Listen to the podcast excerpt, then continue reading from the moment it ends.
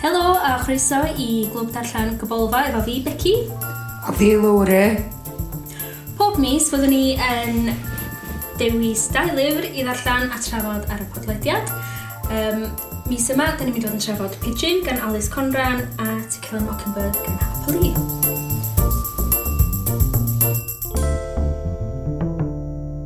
okay, nhw'n ni'n cochyn efo Pigeon. Um, stori am bachgen ifanc o'r enw Pigeon a'i ffrind gorau Iola sydd yn... Um, Mae'r ddau yn nhw efo boda reit anodd, heriol. Um, mae Pigeon yn cael ei gandrin adra. Mae Iola wedi colli'w mam a'i thad wedi symud i ffwrdd efo um, problemau iechyd meddwl. Wedyn, maen nhw efo gilydd yn creu straeon ac yn byw mewn rhywbeth fantasy, ond un diwrnod maen nhw'n mynd ar storys na yn rhy bell efo canlyniadau eitha erchill. So Lori, ti wedi darllen hwn efo Clwb Darllen, Carfon, a um, nes i jyst rasio i ddal fyny efo chdi tra darllen o. Be nes ti feddwl ohono fo? Um, o'n i'n teimlo bod y stori yn gafal. Um, pam nes i ddechrau darllen o, on, am ychydig o penodau cynta, o'n i ddim yn teimlo fel bod, bod o'n gafal lot. Ond y mwyaf nes i ddarllen, y mwyaf nath y stori afal anna fi, ac o'n i'n methu roed y lawr yn diwedd. Ac o'n i'n meddwl bod y plot yn... Um, oedd y cymeriadau ar y plot yn ddiddorol iawn, ac oedd o'n stori da. A wedyn dwi'n meddwl hefyd, achos o'n i'n gweithio Dyffryn Ogwen blwyddyn dwytha, oedd o'n neis gweld stori di gael ei um, setio yn Dyffryn Ogwen, a fatha achos o'n i'n gallu nabod y lle yn efo, Ond dwi'n meddwl achos bod y... Um, achos bod y, y, y, um, storyline mor eithafol efo, um, efo, efo rhywun yn cael ei lladd yn diwedd a tu boi yn cael ei llosgi a plant nath o, dwi'n meddwl oedd o dipyn bach yn anghredadwy bod plant dyn hynna'n dyffryn ogwen. Ti'n mynd bod i'n mynd plentyn drwg sa'n hynna lle? Dim mor bath o hynna, jo. um, yeah, dwi ddim yn byw yn Dyffryn Ogwen, um, so i fi, er bod fi'n gwybod nad yna lle wedi cael ei leoli, ond i ddim gweud ti'n gallu o gennau ddim darlun mor clir eich di, dwi'n meddwl. Yeah. Dal. So o'r disgrifiadau o'ch ti'n gallu gweld yn eitha clir yn dyfeddwl lle oedd tad y gwahanol golygfeidd a pethau'n digwydd yn y dyffryn. O'n, on, o'n i gallu, o'n i gallu nabod lle yn y stori, ond dwi'n meddwl dwi ddim yn meddwl oedd o wedi deud yn union yn lle yn Dyffryn Ogwen oedd y stori wedi sefydlu. Um, ond oedd chdi'n kind of nabod ardal Dyffryn Ogwen oedd oeddech a dwi'n meddwl oedd na reference at um, Llanfair PG rhyw sbyty ym Llanfair PG so oedd yn amlwg o gwmpas fama a wedyn oedd oedd y tad i symud i Lerpwl.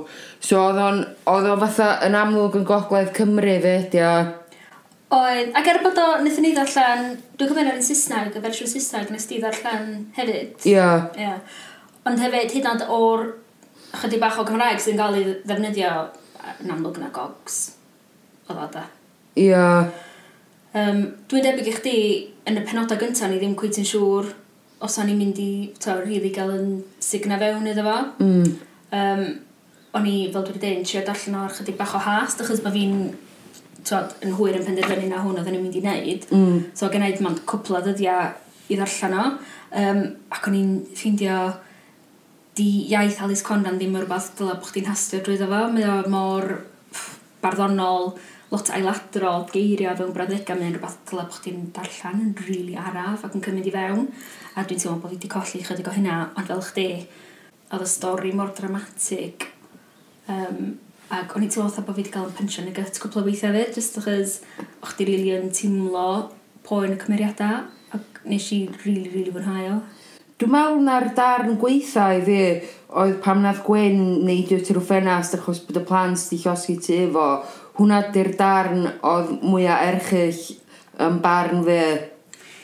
Da ni'n anghytuno, mae hwn yn darn. Mae hwnna dwi'n ffeindio fan erchill hefyd, ond ti'n gwybod pan mae share, so llys chwaer yeah. Pigeon um, yn neud i fewn i'r fan hyfyn ia lle mae Gwyn um, achos mae hi'n coelio straeon pigeon ei ola bod o'n murderer a maen nhw angen trio lladd o'n neu rhywbeth. So mae hi'n dringo fewn i'r fan a wedyn mae'r fan yn rolio lawr yr allt i'r ffair a mae hi'n, tod, o'n i'n meddwl i gychwyn fo bod hi wedi marw ond mae hi'n, tod, yn cael o, brain damage o bethau. Ie, gyda i anobledd dysgu neu beth wedyn oes. Mm, I fi, hwnna oedd y peth mwy erchill oedd nhw wedi gwneud. ie Achos mae wedi effeithio mae bywyd Gwyn yn newid am y gorau oherwydd o, mae share, dydy o ddim... Dwi'n meddwl gath share outcome gwaith na Gwyn, ond yn y moment, dwi'n meddwl oedd peth Gwyn yn waith, ia. Dwi'n meddwl gael bod yna just kids yn dod i tu chdi a ti'n fatha stec yn y toilet a maen nhw'n rhaid ar dan. Sef yn awful fysa. Mae Alice Conran yn amlwg yn mynd efo lot bellach na So, sa'n i di wneud, ond pan o'n i'n blentyn, o'n i'n eitha debyg, o'n i'n licio creistrio o'n i fyny, yn licio ta o'n i'n byw mewn rhyw byd fantasy, ta lle oedd pethau eraill um, yn digwydd. Um, nes i ddim mynd efo mor bell a bod fi'n trio lladd rhywun, ond dwi'n kind of gallu enithu chydig bach o pigeon a iola ar y cochwyn, yn trio dianc. Tad, oedd hi wrth, pigeon yn dianc oedd hi wrth y bywyd adra, efo ei llistad, a iola, jyst yn cael kind of gael ei dragio fewn i byd pigeon a dwi'n gallu deall yna mewn plant. Ond mae beth sy'n digwydd wedyn yn eitha. Beth ti'n siarad meddwl mae Alice yn Alice Conran yn siarad deud efo hynna? Um, dwi'n meddwl bod hi'n cael dwi'n dangos um, sut mae bwyd catra anodd yn gallu arwain plant at byw mewn byd dychmygol lle maen nhw'n chwarae ond bod o jyst i mynd allan o reolaeth Um, a bod dwi'n meddwl bod oedd hi'n kind of dangos er bod y plant di wneud pethau rili really drwg, oedden nhw dal yn ddiniwad ac oedden nhw ddim oedden nhw ddim yn um, accountable am actions nhw 100%. Dwi'n gytuno. Um, oedden erbyn y diwad, o'n i'n rili, really, rili really ofyn bod Iola, so mae'n yn, y llyfr mae Pigeon um, yn gael ffrau efo Adrian, um, so cariad neu gŵr newydd mam fo, ac mae o'n estyn am y gwn, ond mae Iola'n cerdded i fewn ac yn seithi Adrian yn lle. Yeah. So mae pawb yn mewn na pigeon sydd wedi gwneud, a mae pigeon yn cymryd y bai. Mynd i ffwrdd i carchar, i fatha i hogiau ifanc, yn... Dwi eisiau dweud Lerpwl eto, ond... Dwi'n mwyn cofio lle oedd o, o'n Lloegar, o rwla. Rwla, dydy. Ac er, da ni'n gwybod, a mae o a Iola'n gwybod, na hi sydd wedi lladd Adrian, Um, a mae yna ambell i dron ar ddiwedd y llyfr lle mae yna o, oh, da chi'n gwybod os di hi'n mynd i gael fatha copsan ar y diwedd achos mae cariad newydd gwyn yn trio gael o i ddweud y gwir. Um, a mae pigeon twad, yn cael ei ofyn dro ar ôl tro chdi, a i chdi nath o achos da ni'n meddwl allan a twad mae yna um, evidence yn Gymraeg? Tystiolaeth bod yna tystiolaeth arall di dod allan sydd yn dweud na ddim eich di, a dwi jyst yn meddwl, oh, be di pwynt i ola fynd trwy pan mae pigeon di cymryd y bai yn barod, di bod trwy cyrchad, di colli ta blynyddoedd o'i fywyd o i ddod adra, o ti'n teimlo wedyn bod Iola'n hyd i gael ei chosbi gymaint? Ie, yeah, o'n i'n teimlo fel afed bod fi ddim isio i Iola gael ei dal, a dwi'n meddwl achos oedd wedi sgwennu o safbwynt hi, oedd o gyna fi lot o gyd ymdeimlad fo hi, Ond dwi'n gynnu fi lot o gyd ymdeimlad efo Pigeon fe. Dwi'n meddwl nath i um, sgwennu amdan uh, dau brif gymeriad mewn ffordd really um, human. Mm -hmm. Er bod nhw'n gwneud pethau drwg, ti'n gweld i newidrwydd nhw. Pan da ni fel Pigeon wedyn yn mynd i carchar, efo hogiau ifanc eraill, mae o'n dechrau um, darllan lot o Saesneg. Mae o'n stopio siarad Cymraeg. Hyd na pan mae o'n dod yn ôl adra wedyn, pan mae'n dod yn ôl adra i fyw fo'i fam, mae dal i siarad, mae o'n mynd i siarad Saesneg efo pawb. Yn Ni bentra fo, yn ni drefo, tan, reit tan y diwedd, da ni'n gweld o yn dechrau siarad Cymraeg eto. Um, pan mae o'n gweithio efo... O, dwi'n cofio bod un o'r dyn sydd yn adeiladu weldio. Er, dwi'n cofio, dwi'n gwybod pwy ti feddwl, ond dwi'n mynd cofio enw fo chwaith. Oh, ond dwi'n rili licio hynna, o'n i'n meddwl bod hwnna'n rili really glyfar ac yn rili really neis bod Pidgin yn colli darn o ei hun pan mae o'n symud i ffwr ac yn, yn, yn dewis i beidio siarad Cymraeg. Fe, bron fel bod o ddim eisiau, dim byd i wneud efo fo hun, dim byd i wneud mm. efo'i gartra, a lle mae o'n dod o tan mae o'n dod nôl a mae o'n dechrau ffeindio iaith eto a dyn ni gael y syniad bod o'n dechrau adeiladu chdig ar ei fywyd o.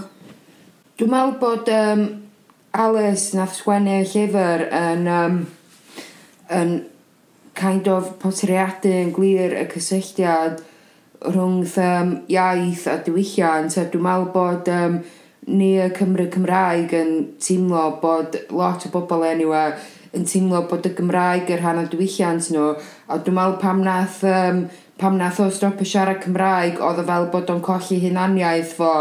A wedyn yn y diwedd pam nath o ddechrau siarad dipyn bach o Gymraeg oedd o fel bod o'n dod adra a bod um, a bod o'n dechrau dod yn fwy hun eto. Ac reit ar y diwedd ni'n gweld o hefo y boi yma da ni ddim yn cofio beth enw'r cymeriad yn dechrau adeiladu walia mae o'n teimlad eitha positif eitha cadarnhaol bod o'n dechrau rhoi darnau fwyd o yn ôl at ei gilydd ac eisiau adeiladu bywyd iddo fo'i hun yn ôl yn Dyffryn Ogwen, mm. lle oedd o'i gychwyn. Be ti'n meddwl wneud i gwydi i ola? Dyma'n eitha, dyma'n glir, dyn nhw'n mynd i aros fe gilydd, dwi'n meddwl. Oedden nhw ddim efo, oedden nhw ddim, nath o gael perthynas efo hogan arall do yn y diwedd. So oedden nhw ddim efo gilydd yn yr ystyr romantic. Na. Ond dwi'n meddwl bod trwy y llyfr, fatha ar cefn y llyfr mi o'n deud bod na stori romantis neu stori gariad, dio, ia. A wedyn ma na trwy llyfr, dwi'n meddwl, wyt ti'n meddwl ydyn nhw'n mynd i fod yn gariadon pan maen nhw'n tyfu fyny, ond hynna ddim yn digwydd. So mae o yn stori um, tor calones yn hytrach na stori gariad, dwi'n meddwl. Fedra i yn hun ddim dychmygu Pidgin a Iola yn gariadon o'i gilydd. Na, sa nhw'n mynd dylanwad ar ei gilydd na. ddim ar ôl beth sy'n digwydd, fe ddim just lladd rwy'n a wedyn bod fel, o, oh, ma'n oce, okay, they live happily after Efo'r after. Ia. Oce,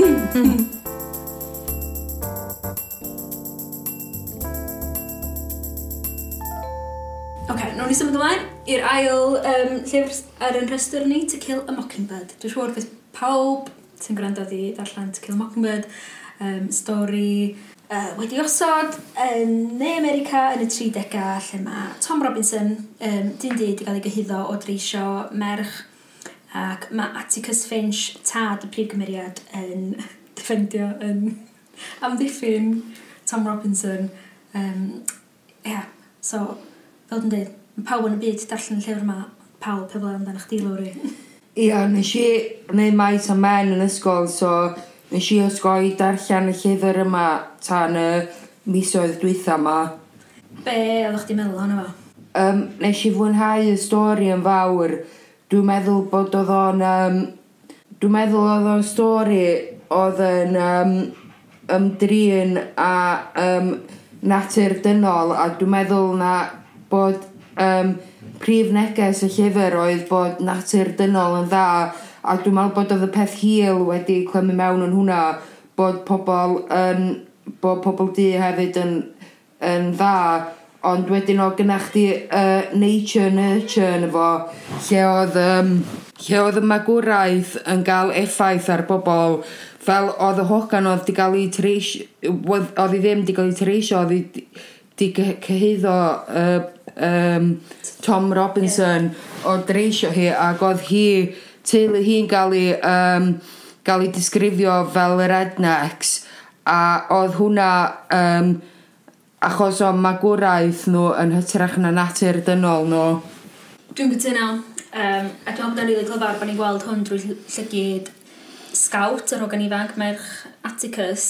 Um, ac yn debyg iawn i pigeon bron a bod, lle da ni'n gweld scout a'i brawd Gem a cysyno. Ia, cyfnither nhw Dill sydd yn dod draw mm. bob um, ha.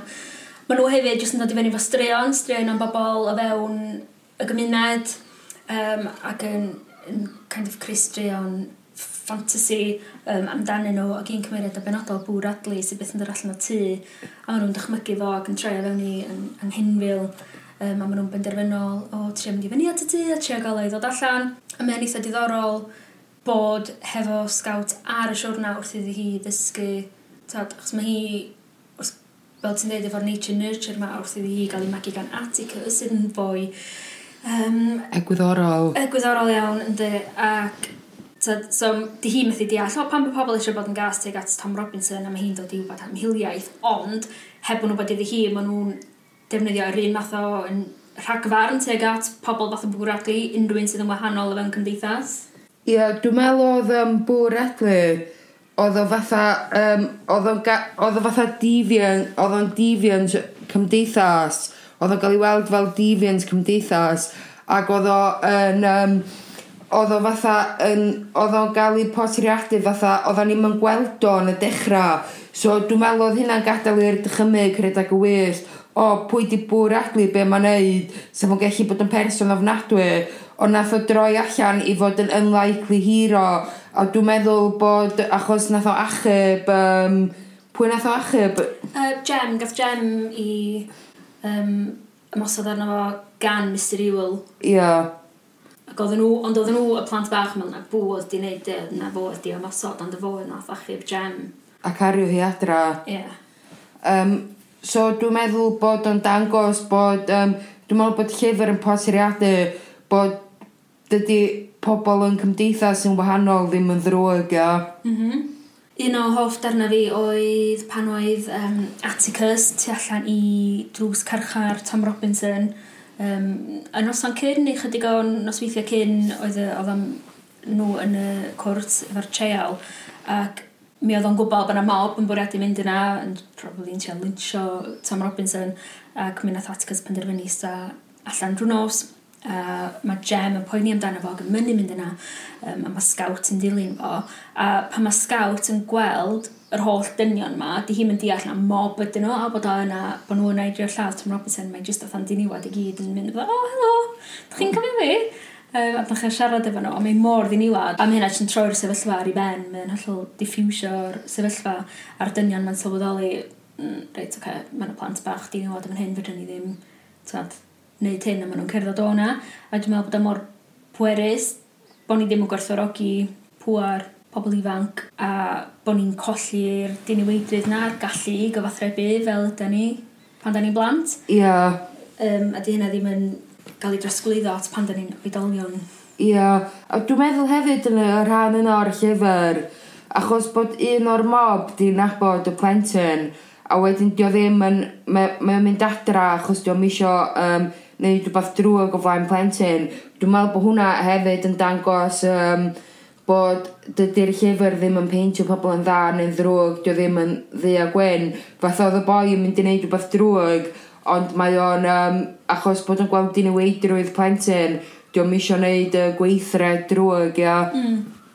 Mae'r thema hiel yn amlwg yn, yn treiddio drwy'r llyfr, ond fysa ti'n deud bod yna neges neu negesion ar wahân i hynny yn, yn llyfr um, Mockingbird? Dwi'n meddwl eich dwi wedi deud hyn yn barod, ond dwi'n meddwl bod y peth efo natur, e, efo um, natur dynoliaeth um, ydy prif neges y llyfr, bod pobl yn dda a, a nature a nurture, bod natur pobl yn dda, ond bod nurture yn cael effaith, a wedyn um, fatha mae rei, um, mae rei o plant yn y dosbarth yn cael eu poteriadu fatha rednecks a dyn nhw methu darllen a maen nhw jyst dod mewn yn diwrnod cyntaf flwyddyn i gofrestru a wedyn dyn nhw'n um, dod mewn wedyn a maen nhw'n anllythrenog a dwi'n meddwl um, mae hynna achos o nurture nhw a wedyn um, dwi'n meddwl na natur, dynol, natur dynoliaeth a cymlethdod hynna ydy un o'n prif negeseuon y llyfr.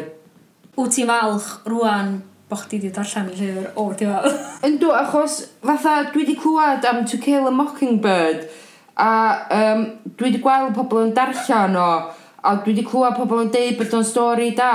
So dwi falch bod fi wedi darllen o, ond um, a, oedd o'n stori da, ond swn i'n deud bod oedd o'n mind-blowing, ia. Yeah. Oce, okay, iawn, controversial, achos yeah. mae gael i ystyried fel un o'r clasuron, un o'r gorion, um, tod, llenyddiaeth iaith, tod, American bendant, mm. ond ti ddim yn cytuno bod o'n un o'r gorion ti wedi darllen lle. Nes i enjoy o darllen fo, ond dwi wedi darllen llyfrau sydd wedi gafel yna fi mwy o. O, oh, reit, oce. Okay. Iawn.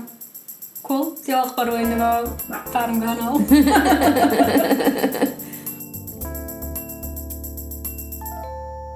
Oes yna rhywbeth arall ti wedi bod yn darllen mis yma? Um, neu ti wedi darllen?